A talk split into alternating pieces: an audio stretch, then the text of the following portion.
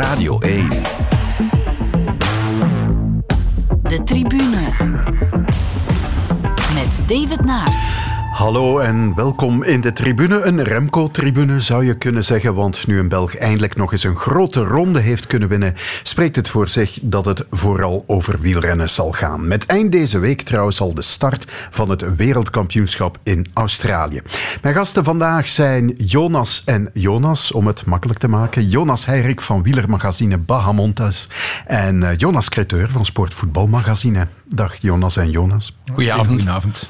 Uh, Jonas Heirik, jij bent op dit moment, deze week eigenlijk, de laatste hand aan het leggen aan de nieuwste editie van Bahamontes. Ja, uh, wordt dat er eentje met een Remco-touch?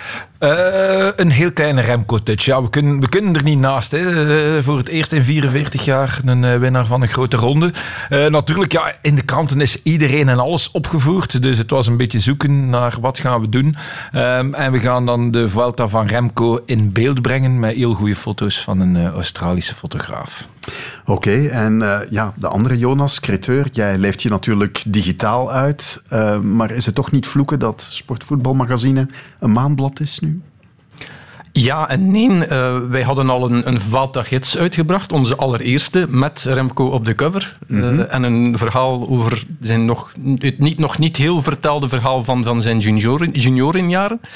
Um, en verder hebben wij alle actualiteit opgevangen uh, via de website. Um, mm -hmm. Met analyses en cijfers en dergelijke. Dus, um, ja. En er komt ook nog een wielergids. Dus daarin zal er teruggeblikt worden op het wielerseizoen. Met dan uiteraard ook uh, okay. Remco. Je hoeft je handen niet stil te houden. Nee, nee, nee. Goed, we gaan zoals altijd beginnen met de momenten van de week. En eerst jouw keuze, Jonas Creteur. Guys,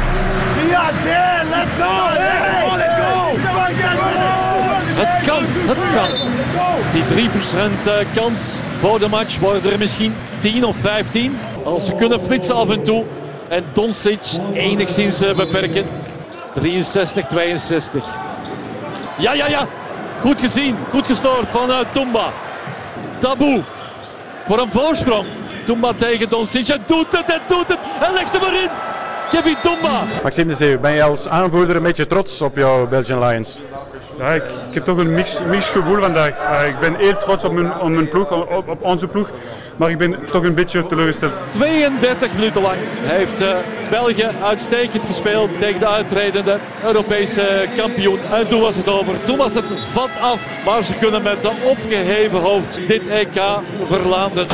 De Belgische basketbalmannen konden niet winnen van Slovenië op het Europees kampioenschap. Ik moet zeggen, de Lions zijn populair in de tribune, want vorige week zat Wesley Sonk op de stoel waar jij nu op zit, Jonas. En ook hij had gekozen voor de Belgische basketbalmannen op dat EK. Waarom heb jij dat? Wel, niet onterecht, omdat uh, ja, de prestaties zijn er ook naar. Um, en ik vond nu de quote in het fragment wel van Maxime de Zeeuw wel, wel opvallend. Um, dat na de verloren match dan tegen Slovenië er vooral onthoogeling heerste. Ze waren oprecht ontgoocheld dat ze weliswaar dan op, op het laatste met wat, wat merkelijk veel punten, maar toch echt oprecht verloren, dat ze oprecht ontgoocheld waren dat ze verloren hadden. Mhm. En dat vond ik wel opmerkelijk, want dat is niet meer in die underdog kruipen en ja, oké, okay, ja, we hebben verloren en Doncic was beter en zo, maar ze voelden echt dat er, dat er, iets, dat er meer had in gezeten. En um, ja, mogen ook niet onderschatten, Slovenië, dat is um, ja, niet alleen Doncic, maar ook nog een hele reeks andere Europese toppers. Ook nog Goran Dragic, ook NBA-speler. Doncic is top 5 in de NBA, we mogen dat absoluut niet vergeten. Wordt uh, zelfs voorspeld als misschien de nieuwe MVP van het komend seizoen. Dat is een absolute wereldtopper. Um, en als je die ploeg dan 32 minuten lang in bedwang kunt houden, ja, dat is wel, wel een, een straffe prestatie. Ook omdat je dan zelf niet met de grootste sterren speelt. Maar dat is dan weer de rol van Dario Gergia, die van uh, ja, die ploegen een collectief geheel maakt. Dus, dus een type voorbeeld van ja, het geheel dat meer is van de, de som der delen. Mm -hmm. um, en ja, zo kunnen zij toch die, die wereldtoppers het, het vuur aan de schenen leggen. Ze hebben ook Spanje geklopt, weliswaar weer wereldkampioen, niet meer het grote Spanje van, van voorheen. Um, maar daar zit ongetwijfeld wel meer in.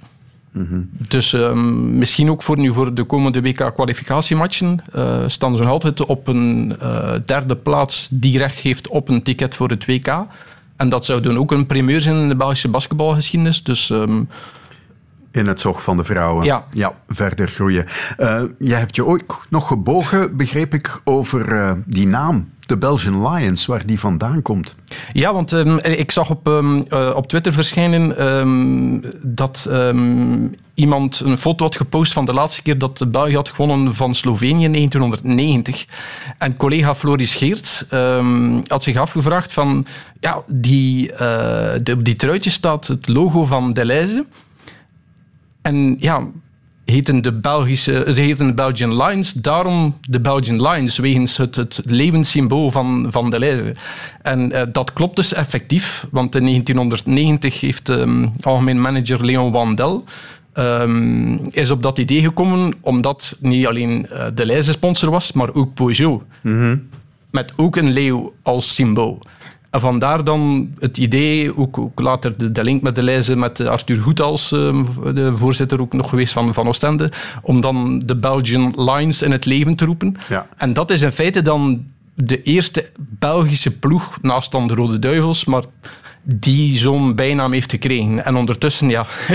uh, Kunnen we alle Belgische ploegen... Je kunt daar een hele quizavond mee organiseren. Gewoon door al die namen ja. af te lezen en uh, raad de sport. Want er zijn al... ik, ik, zou er niet veel juist ja, hebben. Uh, want er zijn al quizzen geweest, daar ben ik 100% zeker van, waar al die namen in zo'n lijstje zijn, zijn gevraagd. Dus dat ben ik zeker. Oké, okay, dankjewel Jonas. En dan gaan we naar het andere moment van Jonas Heirik. One of the things that's really striking, this is a moment during the game when the, when the, where the fans behind the goal, the Cardiff fans behind the goal, are chanting Red Cross, Red Cross, Red Cross, trying to get a response from the medical staff, who actually were a little slow to, to, to realise that this wasn't a chant. And, you know, I think sometimes in the ground, obviously, you don't always make out the words of chants. That then brought a response. It brought a response from the Barcelona bench because they had a defibrillator. It brought a response from the Cardiff bench who had a defibrillator. Of course, we've seen the, the, the footage, and, and, and if things do end up um, the, the way that we hope they are, that he makes a full recovery, the really wonderful footage of the, the, the efforts made by Conan Ledesma, the goalkeeper, to go and get that defibrillator, to run across the pitch, to throw it into the crowd, to get people going. You saw players um, on the pitch, some of them clearly really, really concerned, some of them praying. Fortunately, he was able to get to hospital alive and be stabilised, and of course, the game restarted. And it took almost half an hour between the between that happening and the game restarting. Ja, de keeper van Vadis in het Spaans voetbal ging een defibrillator halen voor een fan in de tribune die onwel was geworden. Daar komt het op neer. Waarom is dit jouw keuze? Ja, omdat uh, het een keer toont dat uh, voetbal uh, niet alles is. En dat er ook voetballers zijn die dus ja, blijkbaar dan toch niet alleen met de bal bezig zijn. Maar de keeper had door van er is hier iets gaande. En die ja, verliet zijn doel om dan een defibrillator te gaan halen. Ik vond dat wel mooi. Ik weet niet of dat daardoor is dat de mens gered is. Maar heeft het alleszins gehaald. Uh, Cadiz heeft uh, wel niet gewonnen. Het was tegen Barcelona trouwens. Ze stonden 0-2 achter, 10 minuten voor tijd. De wedstrijd is dan effectief een half uur stilgelegd om die mens te redden en af te voeren. En in de 10 resterende minuten hebben ze er nog twee binnengekregen. 0-4 dus. Maar een pluim voor de doelman Jeremias Ledesma. Ja, een sporter met een groot hart. dat kom je wel vaker tegen. Ik moest meteen ook... Het is, het is iets helemaal anders, maar ik moest aan Luik Bastenaken-Luik denken en Alaphilippe en die Romain Bardet, die zich over hem ontfermden. Ja, absoluut. Ja. En elke keer als er zoiets gebeurt, als er iets, ja, sportiviteit die dan belangrijker is dan, dan, dan winnen, dat is wel mooi. We hebben het in de marathon, het soms ook nog zo beelden. Men, eh, mensen die ja, net voor de finish ineens stuiken en dan uh, iemand die zelf omdraait en zijn concurrent mee over de meet helpt. Ja, als, als dat als sportiviteit uh, het belangrijkste is, dat is uiteindelijk wat dat sport uiteindelijk ook een beetje om draait. Niet alleen om winnen. De tribune.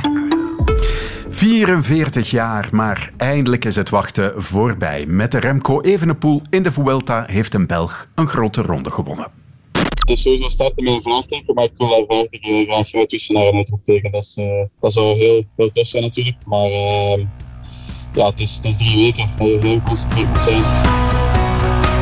The de Vuelta ga je hier niet winnen, maar je kan hem wel verliezen in een versnelling. Nu daar van Remco Evenepoel. Mas de enige die in de buurt kan blijven. Voel het aankomen, Renat. Ik zei het er net, hè. we gaan naar iets zitten kijken. Fine wint de etappe en Evenepoel pakt hier de tweede plaats. En is nu de best geplaatste van de klassementsmannen.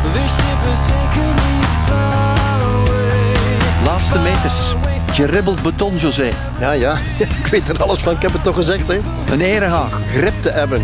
En grip heeft hij. Remco Evenepoel, rules op de prairie van Nava. De bom van Schepdaal in zijn allereerste tijdrit in een grote ronde die hij wint. Bijna 56 gemiddeld.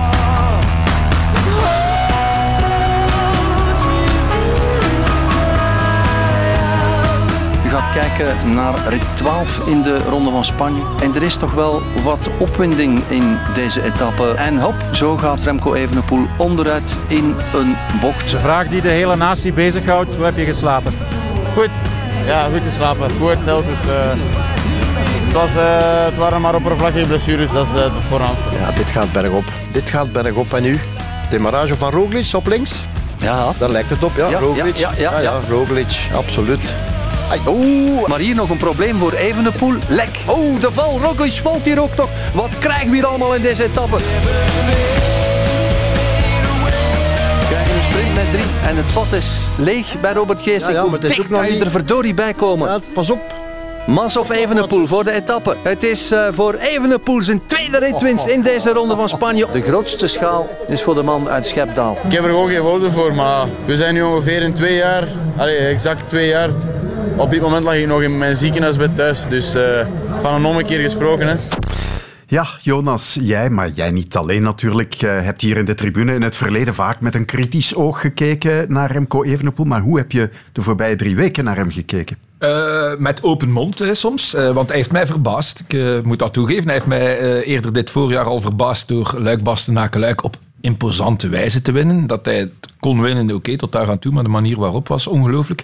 En hier, ik had allee, wel het vermoeden van, hij gaat absoluut voor top 5. Hij moest dat ook, als hij zich wou bewijzen als rondrenner, moest hij top 5 rijden met, met dit deelnemersveld in deze Vuelta. Maar dat hij zou winnen en dat hij het op deze manier zou doen, dat had ik eh, niet zien aankomen. We gaan naar de andere, Jonas. Eh, we hebben ook echt een andere renner gezien. Die het hooggebergte aan kan, die, die lange, steile beklimmingen behoorlijk goed aan kan. We hebben een andere renner en een andere persoon gezien. En ik denk dat dat de combinatie is geweest die, die Evenepoel aan, aan de eindwinst heeft geholpen. Ehm, ja, niet alleen ja, de andere persoon, ik denk dat dat ondertussen ook al uitvoerig is belicht geweest. Ehm, eh, kalm op alle vlakken, of toch meestal, behalve die ene keer als, als hij was gevallen en naar die jury eh, verhaal ging halen. Eh, vooral ook, ook leiderschap ehm, binnen zijn ploeg. Heel erg belangrijk hoe, de, hoe dat hij zijn ploegmaats heeft opgepept. ehm, ook met speeches voor de, voor de wedstrijd. Ehm, nooit gepanikeerd tijdens de wedstrijd ook. Ehm, en dan, ja, ook als, als renner heeft hij enorme stappen gezet. hè. Ehm, Ja, wat is jou daar het meest opgevallen? Wel, zijn klimvermogen heeft, heeft hij merkelijk eh, opge, opgekrikt.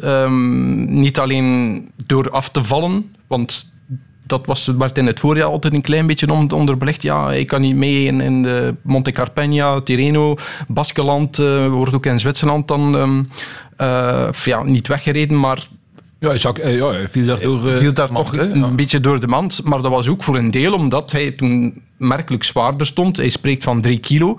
Ehm, ja, met die kilo's worden soms gegoocheld, maar hij was toen wel een stuk zwaarder. Wat in de koos automatisch ook eh, zich wreekt.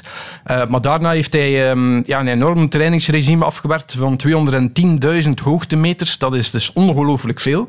Eh, heeft samen met Koen Pelgrim ook gewerkt op specifieke traptechniek, op specifieke cadans, op die steilere stukken. Getraind op de Mortirolo, ehm, eh, op de El Miserat. En u wel beter bekend misschien, Jonas? El Miserat? in, in Spanje of daar in de buurt van Alicante.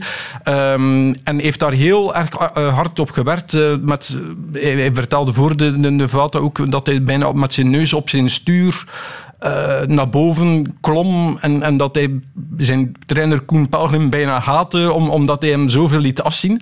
Ehm, maar dat heeft blijkbaar wel zijn, zijn vruchten afgewerpt. En, en hij is, je zag dat ook in de eerste week van, eh, van de Vata, trapte hij daar waardes die ja, absolute wereldtop zijn. Die de vergelijking Ja. kunnen weerstaan met, met wat V- Vingegaard, Pogacar in, in eh, de Vata in de, in de Tour hebben getrapt. Ehm, daarna is het dan wat teruggevallen in het tweede, tweede weekend. na grotendeels die val. door Ja, die val. Ehm, en daarna was het dan vooral controleren. Ehm, dus, dus, dus de combinatie van al die zaken, denk ik, hebben hem de, de eindzege opgeleverd. Wat ik denk dat ook heel belangrijk is, is de manier waarop dan ze naar de Vuelta zijn vertrokken. Ik herinner mij vorig jaar de Giro, waar dan de verwachtingen toen ongelooflijk hoog gespannen waren. En iedereen, en VTM, een eh, Remco-journaal, en, en iedereen zag hem al in het roze, iedereen zag hem al op het podium. En nu eigenlijk hebben ze daar redelijk... Niemand wist er hoe zeer dat hij echt met die Vuelta bezig was en hoe dat hij daarop gefocust was. Binnen de ploeg wisten ze dat, maar ze hebben dat dit keer redelijk rustig gehouden. Eh, ik ben vorige week gebeld door de Nederlandse radio om te horen hoe de Remco-gekte hier al was toegeslagen. En ik moest toen zeggen van ja... Die was er niet, hè? Die was er niet. En dat is heel goed geweest, denk ik, om hem rustig te houden, om, om hem low profile. Want hij zelf ook, hè, vooraf, hè, ik ga voor een plaats in de top 10 en ik hoop een etappe te winnen. Voilà, en iedereen wist de vorige keer bij de Giro dat hij eigenlijk ook mikte op die, die, die, die topplaatsen en toestanden. En nu heeft hij dat echt heel rustig gehouden. En ook nog tijdens de, de Ja, ja, ja maar toen geloofde, allee, werd er al minder geloofd. Hè. Ja, ik ga voor eh etappenwinst. Ja, dat, dat, allee, je kon toen al voelen van oké, je gaat wel voor hoger. Maar het was, het was heel slim om het, om het zo low profile aan te pakken. Want eigenlijk heeft het maar voor de eerste keer uitgesproken na de tijdrit. Ja. En zelfs toen heeft hij zich achteraf nog herpakt eh, om te zeggen, ja oké... eh, maar als ik niet win, is het ook Ja, als ik niet win, het is goed. Wat in de tijdrit was van, eh, ja, I'm gonna bring the, the, the red jersey home to, to Wevelgem. Maar ook daarna was het nog altijd ja. Ja. vrij bedaard. Dus, dus ehm, dat heeft hij ook wel geleerd. Ja, eh Evenepoel heeft het gisteren aan het eind van de Vuelta ook nog gehad over zijn rijstijl in, in dit fragment. Eh, we gaan er even naar luisteren. Iemand schreef, als je Remco ziet fietsen, dan lijkt wielrennen zo makkelijk. Wow, dat is gewoon mijn, mijn, mijn stijl, denk ik. Ik, eh, ik weet dat Elio heeft mij in het begin van de Vuelta gestuurd af en toe eh, een dood te trekken.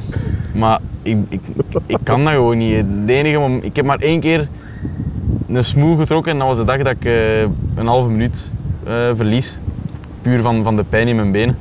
Maar als ik, als ik eh, gewoon mij goed voel en als ik de benen heb, dan ga ik dat echt niet doen. Dan probeer ik mij echt gewoon te focussen op wat ik doe met, met mijn fiets. En probeer ik zo weinig mogelijk andere zaken te spelen of ehm, te verbergen of, of wat dan ook. Dus ja, het, het kan er misschien gemakkelijk uitzien, maar dat is, dat is helemaal niet zo. Ik kreeg gisteren ook een vraag van eh, Christophe van der Goor, of een opmerking dat, ja, dat er iets venijnige klimmers, zoals Pogacar en, en Vingegaard, die echt sprinten als ze demareren.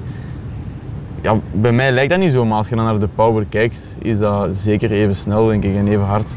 Als je in een demarrage naar 700, 800 watt gaat, ja, dat is niet zomaar... Dat is niet lichtjes demareren, hè, maar dat is gewoon mijn stijl, denk ik. Dat is wat jij daarnet eigenlijk zei, hè?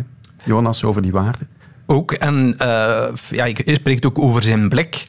Ehm, de blik die hij heeft geworpen naar Mas afgelopen zaterdag op die voorlaatste klim, toen, toen Mas ja, de, de, zijn, zijn laatste poging bijna deed en, en dan ja, echt eh, opzij keek naar Mas en zo van, ja, wat ga je nu nog doen? Eh, ook op de, de keren dat hij heeft weg, is weggereden, eh Les Pereiras de Nava op, op Pico Gano, was het echt heel opvallend dat hij ja, zijn wurgtempo oplegde en, en dan zo soms achterom keek, zo van, ja, eh, ga je nu nog lang volgen? En ik kan mij wel voorstellen dat je daar als, als concurrent, als je dat dan ziet met zo'n tegenstander die weliswaar aan het afzien, zit, afzien is, maar dat hoegenaamd niet toont. Want uh, Evenepoel heeft zo'n blik met zo, ja, de, zo licht getuite lippen en, en ja, zo een, een, een blik waar je in, feite niet kunt aan afzien...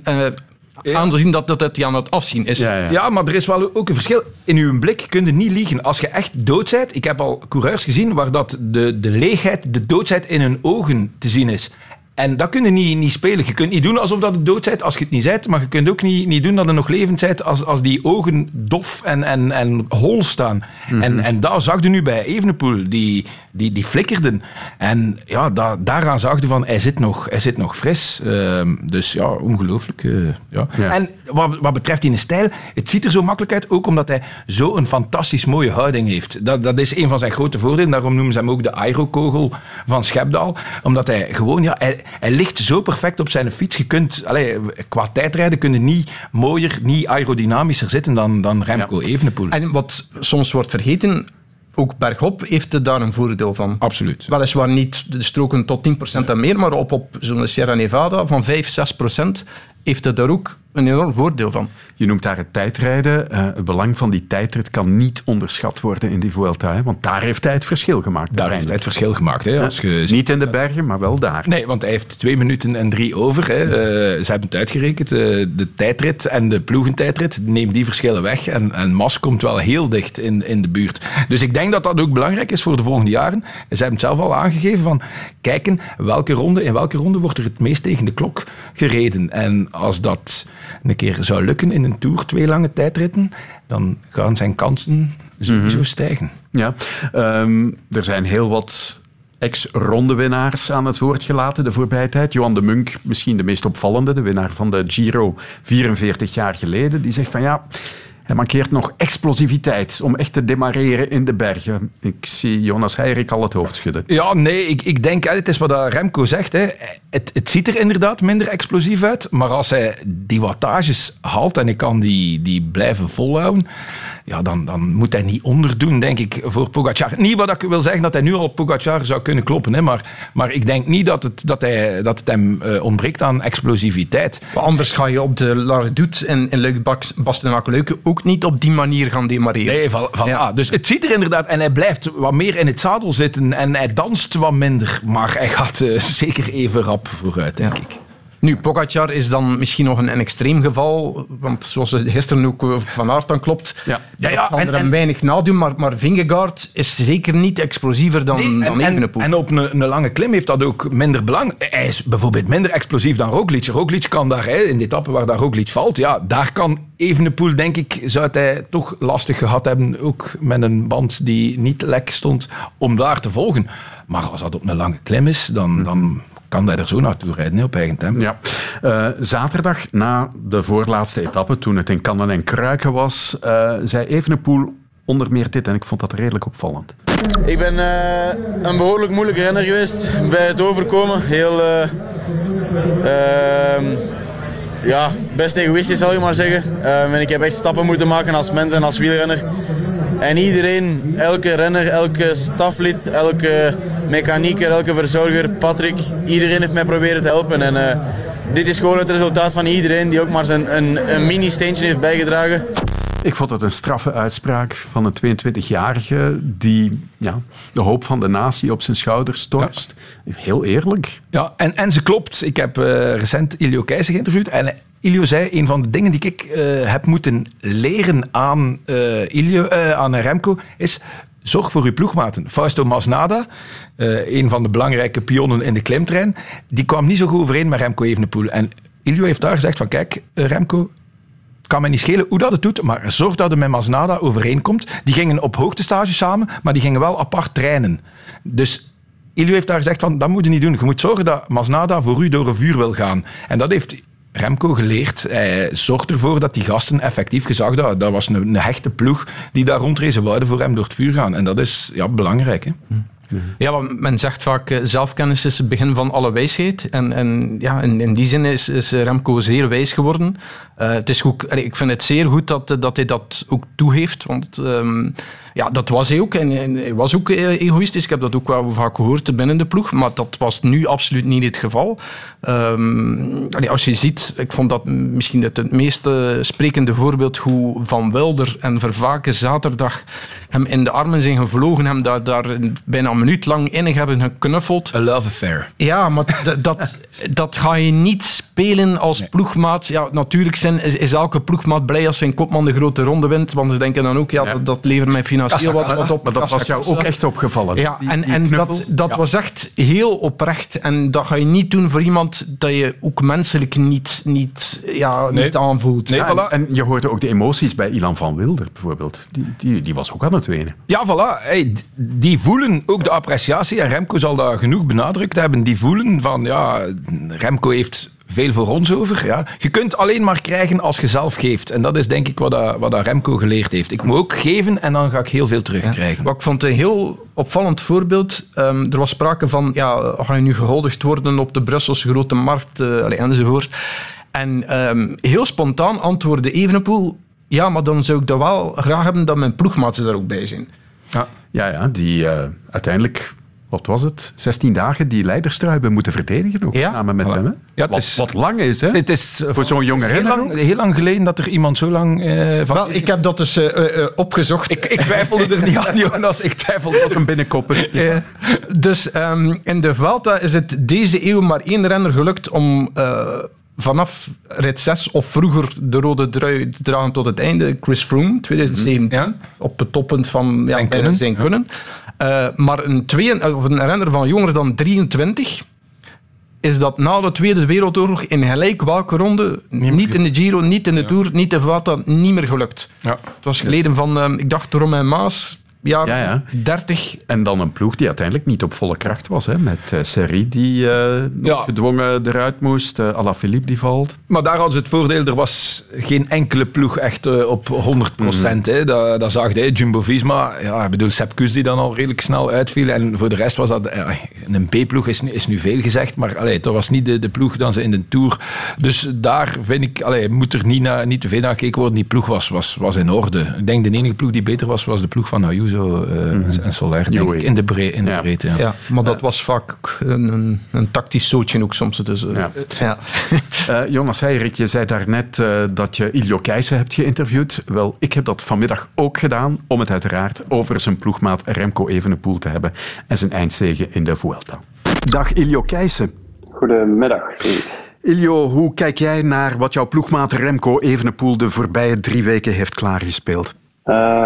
Goh, eigenlijk met, uh, met trots en eigenlijk ook wel een deel met, met bewondering. Um, ik denk dat iedereen wel wist dat hij die kwaliteiten had. Um, maar dat er toch nog altijd heel veel vragen waren. Dat er ook heel veel mensen er nog twijfelden en zeiden dat hij waarschijnlijk nooit een grote ronde ging winnen.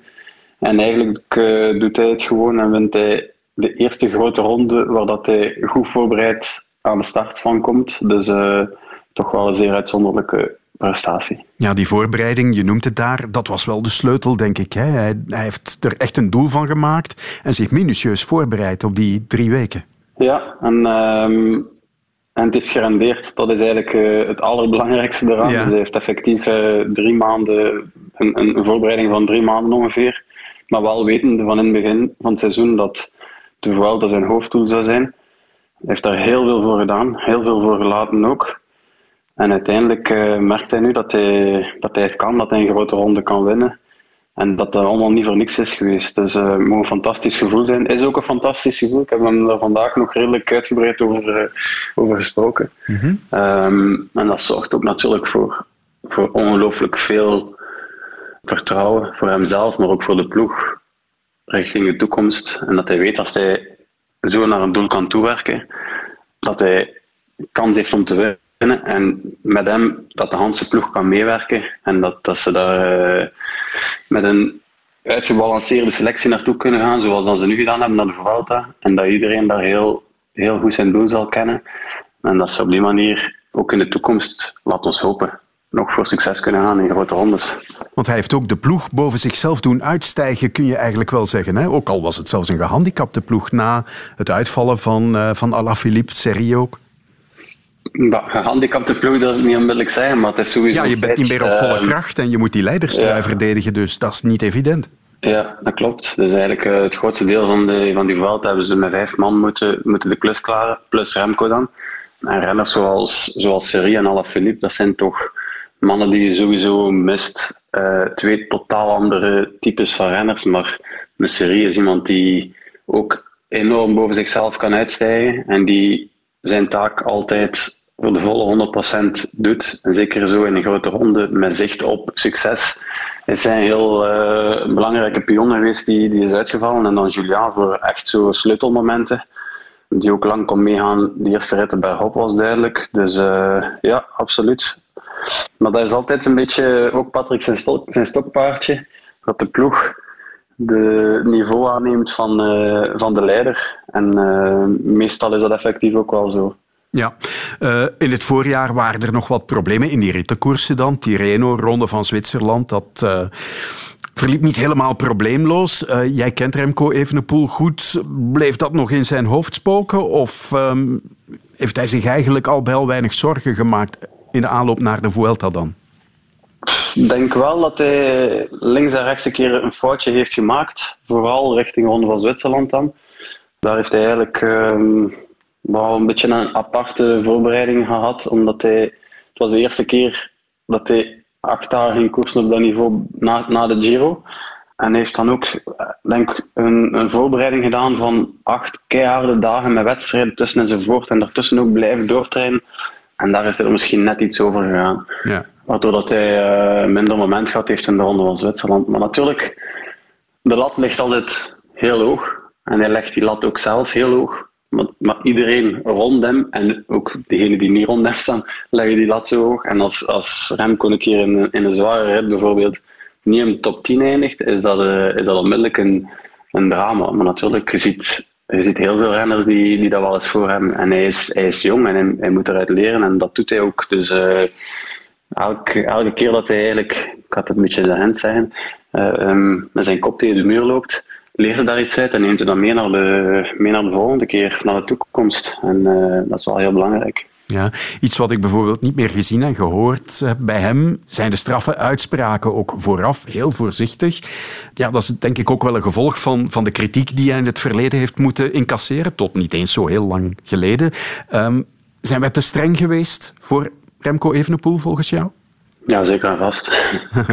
geen, geen twijfel over mogelijk. Um, het is een jonge renner met ongelooflijk veel potentieel, die eigenlijk relatief weinig ervaring heeft. Hij slaat beginnen koersen. Hij heeft natuurlijk, hij, hij, is opgegroeid als voetballer. Hij heeft daar een aantal trekjes van die, die in de voetbal doodnormaal zijn, die zelfs toegejuicht worden.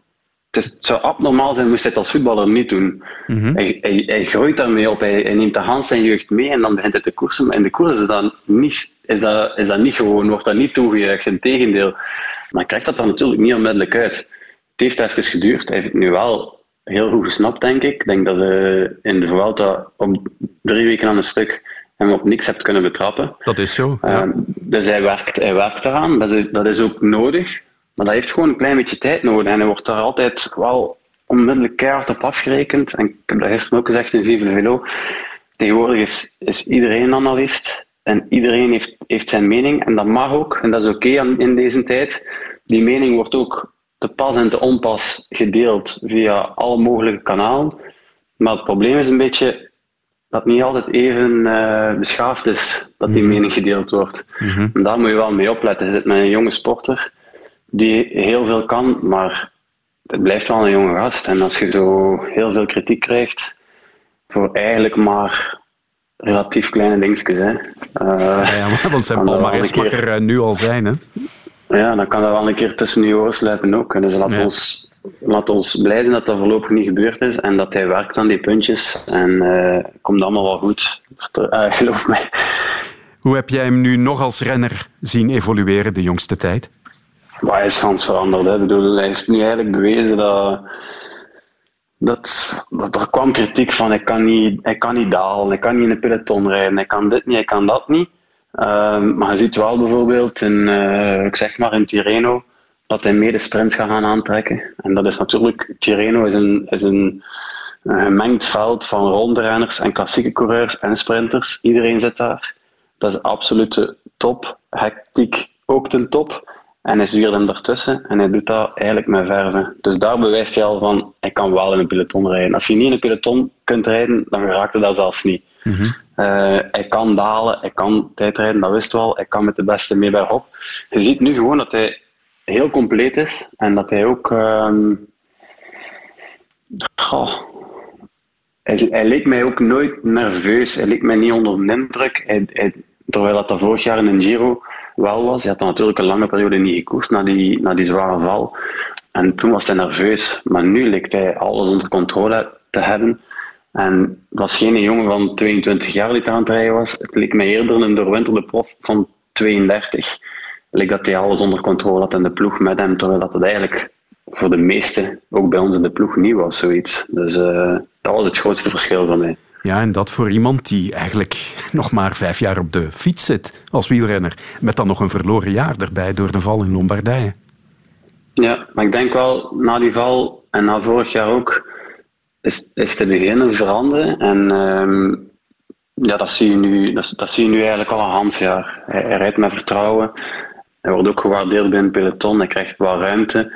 Dus allee, dat is logisch. Hè? Ik denk als je een bepaalde status bereikt, krijg je iets meer ruimte dan iemand anders. Dat is zo voor, eh, voor Van Aert, voor Sagan, voor Pogacar, voor eh Alaphilippe. Die hebben allemaal iets rond hun hangen dat zegt van oh, hier gaan we toch een klein beetje afstand houden, want dat is, dat is een van de allergrootsten. Die wilde niet graag ten val brengen, die wilde niet graag in problemen brengen, dus die status heeft hij nu ook verworven. Dus eh, dat zorgt ervoor dat het misschien, dat is niet constant natuurlijk, maar dikwijls net iets makkelijker is. Ja. Een jonge renner, een jonge toprenner, eh, die kan zich nog verder ontwikkelen, denk ik dan. Waar kijk jij dan in de eerste plaats naar? Maar ik denk dat hij, dat hij nog altijd aan het, leren is. Hè. Dit was de eerste grote ronde met, met de ambitie om goed te doen in het klassement. Dat was zijn, zijn ambitie naar buiten toe. Laat, ons zeggen dat zijn ambitie was om gewoon zo hoog mogelijk te eindigen en te proberen te winnen. Dat ze daar een heel goede voorbereiding van gehad hebben. En dat ze die voorbereiding kunnen meenemen naar de toekomst. Eh, dus iedereen leert daaruit. De ploeg leert daaruit, Remco leert daar zelf uit. Hij zal wel voelen welke training dat er voor hem heel goed zijn, welke iets minder. Eh, maar dat zijn nog altijd... Ja, iedereen heeft absoluut sterke punten. Zijn tijdrijden is top. Andere dingen zijn misschien nog net iets minder. En dat hij, daar, dat, hij dat kan meenemen en daaraan werken. Nu heel specifiek richting de toekomst, ko- nabije toekomst eigenlijk al. Want eh, het zal nu wel heel snel gaan allemaal. Ja, Eh, Patrick Lefevre eh, die heeft een traject voor ogen wat de grote rondes betreft. Vuelta nu gehad, volgend seizoen de Giro en dan pas daarna, het seizoen daarna, de Tour. Lijkt jou dat een, een, een goede keuze als, als het zo zal lopen natuurlijk? Hè? Want er zal weer getoeterd worden dat het een lieve lust is over Remco en de Tour. Ja, natuurlijk. Maar ik denk dat, je dat, dat ze dat heel rustig moeten bekijken. Ik denk dat het belangrijkste is, dat hij ook zelf al dikwijls aangehaald, dat ze bekijken waar het de meeste tijdritkilometers in zitten. Omdat dat toch natuurlijk zijn, zijn sterkste wapen is, dat hij daar heel veel tijd kan pakken op, Daar heeft op hij nu ook het verschil bij gemaakt. Hè? Ja, dat klopt. Mhm. Ehm, dus dat is wel heel belangrijk. En anderzijds denk ik dat er niks mis mee is om, eh, om eerst nog eens naar de Giro te gaan en, en dan pas naar de Tour. Maar op termijn moet hij, moet hij het sowieso allemaal doen. Hè. Ik denk dat hij, heeft deze nu al op zak. Dat is een ongelooflijke luxe. Want er zijn heel veel toprenners die aan zijn carrière op zoek zijn naar die ene zege in een grote ronde en die dan uiteindelijk op het einde van hun carrière moeten, moeten afzwaaien en die niet, niet kunnen pakken hebben.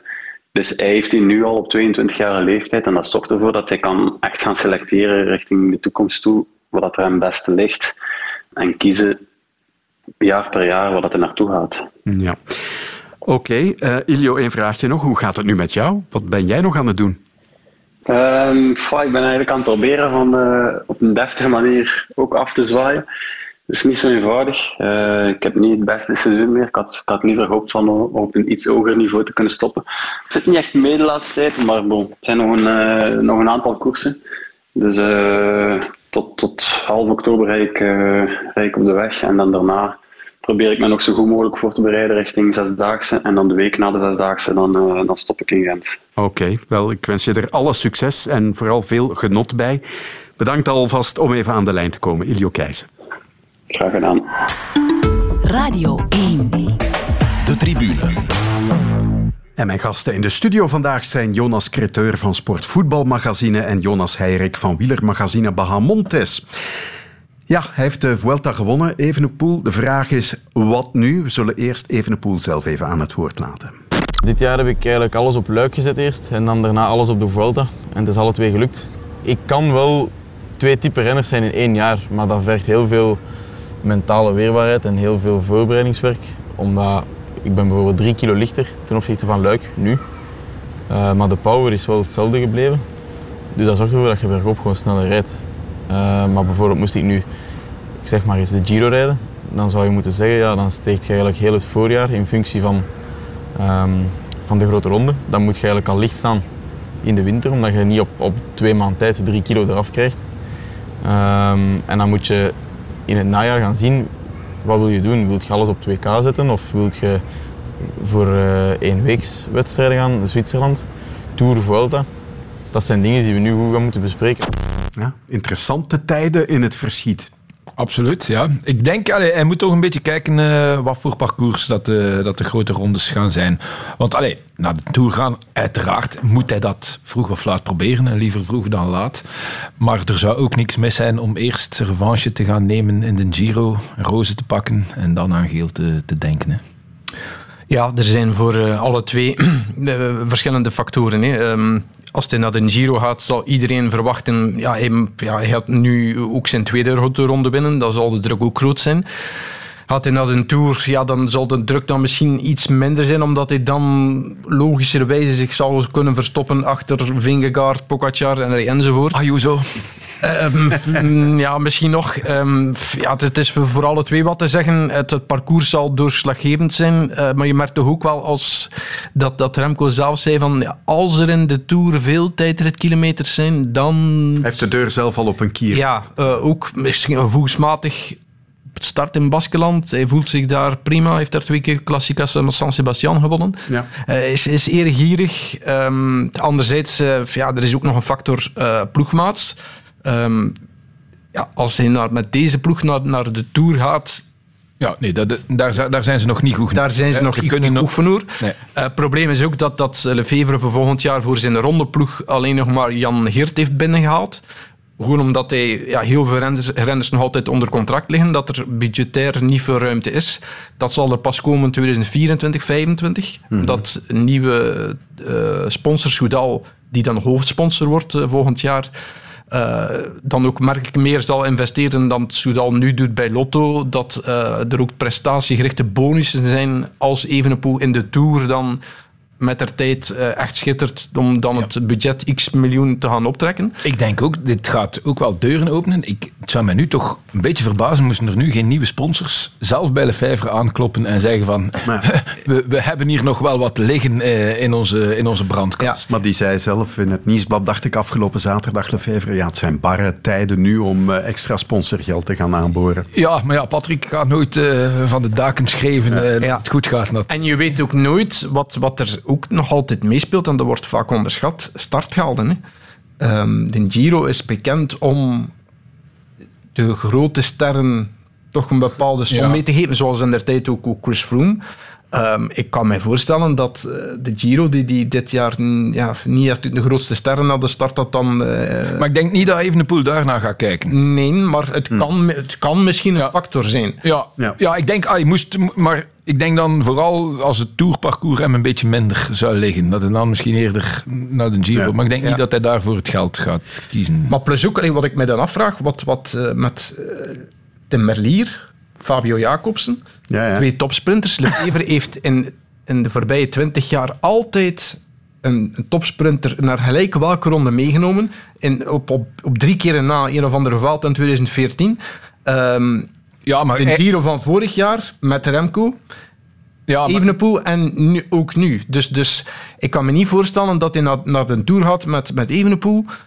En toen nog een keer een sprinterstelling voor... Nee, nee, geen sprinterstelling. Maar dan gaat hij moeten zeggen misschien tegen Jacobsen of tegen Merlier. En ik denk dan eerder... Ja, ja, voilà. Jij als enige. En uh, lukt het niet? Ja, goed dan ligt het mede aan het feit dat we geen trein gestuurd hebben. Um, en anders stuurde Merlier en Jacobsen naar Giro en. Allee, ik bedoel, ik denk als je een Tour wilt winnen, dan moet je keuzes maken. En dan gaan sommige keuzes pijn doen. En uh, Jacobsen zal daar niet mee kunnen lachen. Ja. Maar als... Maar, voor de moment ook, ik denk niet, allee, de tourploeg, ja, dat, daar gaat er dan toch wel plaats zijn voor Jacobsen eh, een plaats kunnen geven. En Iemand ja, we- zijn programma eh, zal, zal ook bepalend zijn. Je, je hoort dat hij heel graag de klassiekers zou willen rijden. Nog een keer leuk, Bas Luik, zijn, zijn droomkoers. Eh, maar is, dat is dan niet combineerbaar met een Giro. Eh, ook niet te vergeten, het WK wordt volgend jaar niet in het najaar gereden, maar in eh, begin augustus, 5 of 6 Glasgow. augustus in Glasgow. Dat is eigenlijk twee weken na de Tour. Ja. Dus dat kan ook dan weer een factor zijn om al dan niet de Tour te rijden. Want als je Tour rijdt, ben je dan misschien minder fris of, of enzovoort. Maar we zullen eerst de presentatie van het Tourparcours afwachten. Dat is in oktober al. hè. 27 dus, oktober. Dus eh, dat gaan we binnenkort dan wel weten. Zeg, wat mij nog opviel eh, in die ronde van Spanje, de top 7 van de eindstand. Ja, daar zit de top 5 van het jongerenklassement eh gewoon in. Hè. Dat is Ayuso, heb je al genoemd. Die wordt, denk ik, nu vrijdag 20 jaar. Rodriguez, Almeida ook. eh ja. Tijmen Arendsman. Er liggen echt leuke dingen Absoluut. in de toekomst. Ja, we kunnen alleen maar hopen hè, dat, dat die gasten allemaal eh, volgend jaar misschien al in de Tour tegenover elkaar gaan staan. Het, het be- belooft alles in te worden. En dat, is, dat heeft alles te maken met dat er steeds jonger gerecruiteerd wordt. Dat er steeds jongere talenten van bij de juniors weggeplukt worden. Ik denk dat dat de toekomst gaat zijn. Eh, jongens die 28 zijn en grote rondes winnen. Eh, het zou wel een keer kunnen dat dat einde verhaal is. Ja. En het contrast daarmee, ja, het afscheid van goeie oude Valver- Valverde, Nibali ook. Ja, ja schit, schit, allee, Valverde, ja, ik, ik vind dat ongelooflijk. Die mens op zijn 42, die, eh, die nu nog eh, ja, dan, dan de, de Vuelta eh, rijdt en dan zo een afscheid krijgt. Hij, hij was... Remco Evenepoel was drie jaar als eh, Alejandro Valverde voor het eerst op het Vuelta-podium stond. Dat zegt bijna alles. Geweldig, hè? Ja. Ehm, zeg, Jonas Creteur, ehm, jij wou ook nog iets kwijt over eh Primoz Roglic en vooral de communicatie van zijn team Jumbo-Visma na zijn noodgedwongen opgave, de val in de sprint, eh, met eh, ja, al dan niet in contact met Fred Wright. Wat ligt jou op de lever? Dat was een ongelooflijk grote communicatie- en PR-blunder. Misschien nog eens zeggen wat ze precies Ja, kwijt ze wil dus communicatie. simpel, simpel gezegd de schuld bij Fred eh, Wright gelegd voor die val. Terwijl op geen enkel beeld van toeschouwers langs de weg, van, van de officiële beelden, bleek dat Wright in de fout was gegaan.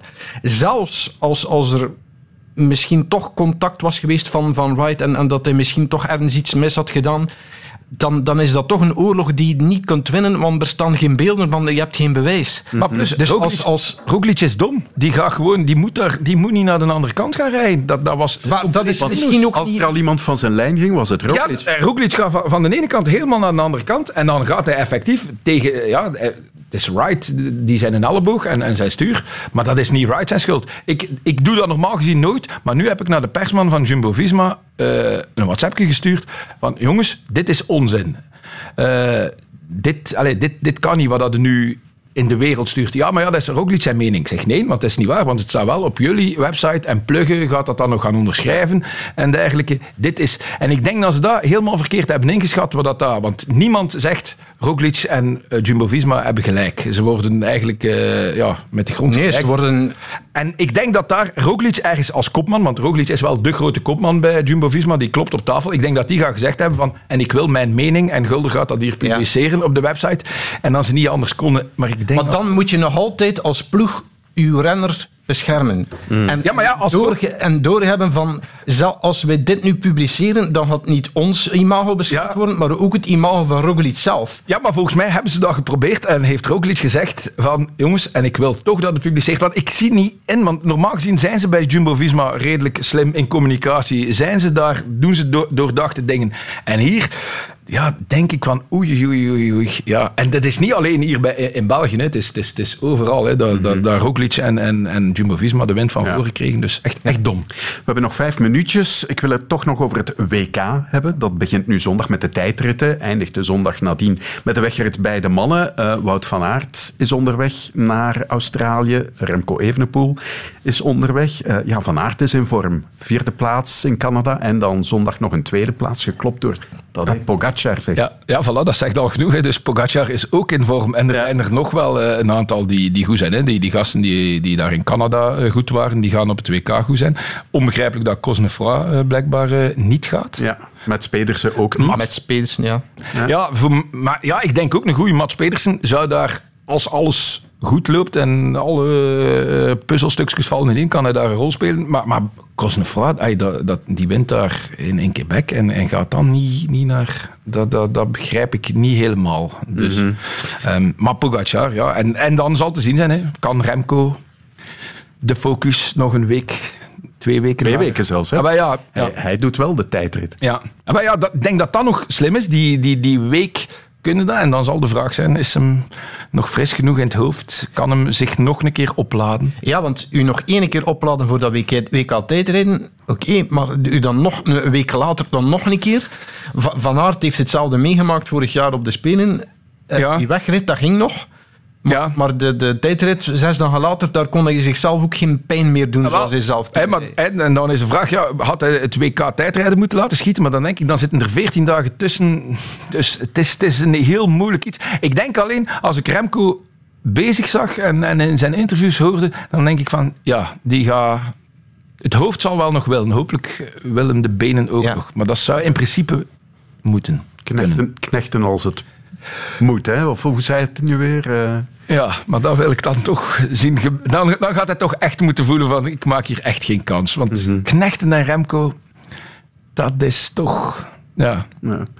En eh, ja, die verre reis, die afstand, die jetlag, gaat, ja, iedereen eh, heeft er uiteindelijk mee af te rekenen. Hè. Gaat, gaat dat nog een factor zijn? Als je vroeg genoeg afreist, zoals Van Aert nu gedaan heeft... ehm, Ja, maar voor Remco gaat dat een probleem. Allee, die Voor moet Remco al, zal dat meer een die moet probleem al, zijn, Ja, gaat die met die jetlag zo gezegd een, een, een dag per uur eh, en zo.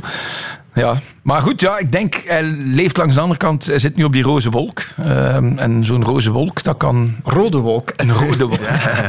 dat, dat kan wel veel doen, maar ja, het is, het is niet ideaal. Hè. Wie, wie was het die eh, de vorige keer eh, naar Australië? En die was echt een, een maand op voorhand al eh, bij wijze van spreken gegaan. Hè. Dus ideaal is de... Is de- dan? Of? Ja, ik- ja, was het Guus? Ja. Pogacar en die sprint tegen Van Aert, stond je daarvan te kijken? Nee. Eh, omdat één, Pogacar is nu eenmaal heel explosief. Heeft niet toevallig ook al zo leuk Basnang leuk gewonnen. Eh, twee, het Ja, was, ook naar omhoog, hè? het was een, een, een iets wat lichthellende park, eh, Avenue du Parc. eh, iets wat lichthellend. Maar vooral, allee, dat heeft Van Aert ook, ook zelf aangegeven. ehm, ze hebben daar, daar hem op die laatste klim... eh, het was begin van de ronde. Snoei, snoeihard, hè, dat- Ja, heeft, heeft hij daarop op breken gestaan? Heeft hij dat toch nog kunnen aansluiten? Ehm, maar daar is, heeft hij zodanig veel kracht in verspeeld dat hij die is gewoon is tekort geschoten in, in de sprint. Ehm, want eh, dat is een parcours van 4700, ho- 4700 hoogtemeters op 200 Ja, maar dat is een bergetappe. Hè? Dat, allee, het, het is Ja. natuurlijk met geen, zo, geen lange kools. Het is altijd datzelfde rondetje dan, dan ze doen. Maar qua hoogtemeters is dat, is dat Ja, fenomenaal. terwijl dat het WK dan ongeveer 4000 hoogtemeters is, 700 minder, maar dan over eh, 266 kilometer. Dus, dus eigenlijk nog een uur langer voor 700 hoogtemeters minder. Plus ook die, die klim is Mount Pleasant, is 1 kilometer aan, aan 7% met een piek van, van 14%. Dat is in feite een, ja, een, een, eh, een Vlaamse kluis, een, een Australische kluisberg, bij wijze van spreken. Dus, dus eh, dat moet Van Aert veel beter liggen dan eh, dat parcours in, in Montreal, die hij op zijn toerniveau wel had aangekund. Maar, Van Aert is nu niet op zijn toerniveau. Hij staat ook een, kilo, een kilootje zwaarder. Hij heeft niet die, die voorbereiding gehad zoals dat hij op de Tour gehad heeft. Door, ja, heeft, heeft een lange rustperiode genomen. Heeft, heeft niet, is niet op hoogtestage geweest, weliswaar op zijn hoogtetent. Dus hij gaat niet... En is niet op het niveau van een Tour, maar dat is ook niet onlogisch zo diep in het seizoen en na de Tour. Maar ik denk dat we gewoon mogen spreken van... Je kunt Pogacar eh, zeker naast Wout van Aert zetten als, als favoriet. Hè? Want hier eh, is iedereen er bijna van overtuigd dat Wout van Aert wereldkampioen gaat worden. Maar hij zal dan toch voorbij Pogacar moeten. En het feit dat Pogacar nu wint, is misschien zelfs een goede zaak voor Van Aert, omdat van eh, Pogacar zich dan automatisch ook als topfavoriet naast Van Aert ja. opwerpt. En ja, eh, ja. niet iedereen dan alleen naar die Belgen zou kijken. Ja. Ja. Wait and see. Dat is pas op eh, 25 september, s'nachts en finish rond een uur of negen. 9 uur 's morgens bij de boterkoekjes. Voilà, meer moet dat niet zijn. Eh, dat is het al bijna voor deze aflevering van de Tribune. Eh, slotvraag, waar kijken jullie nog naar uit op sportief gebied deze week? Heel kort, Jonas Creteur.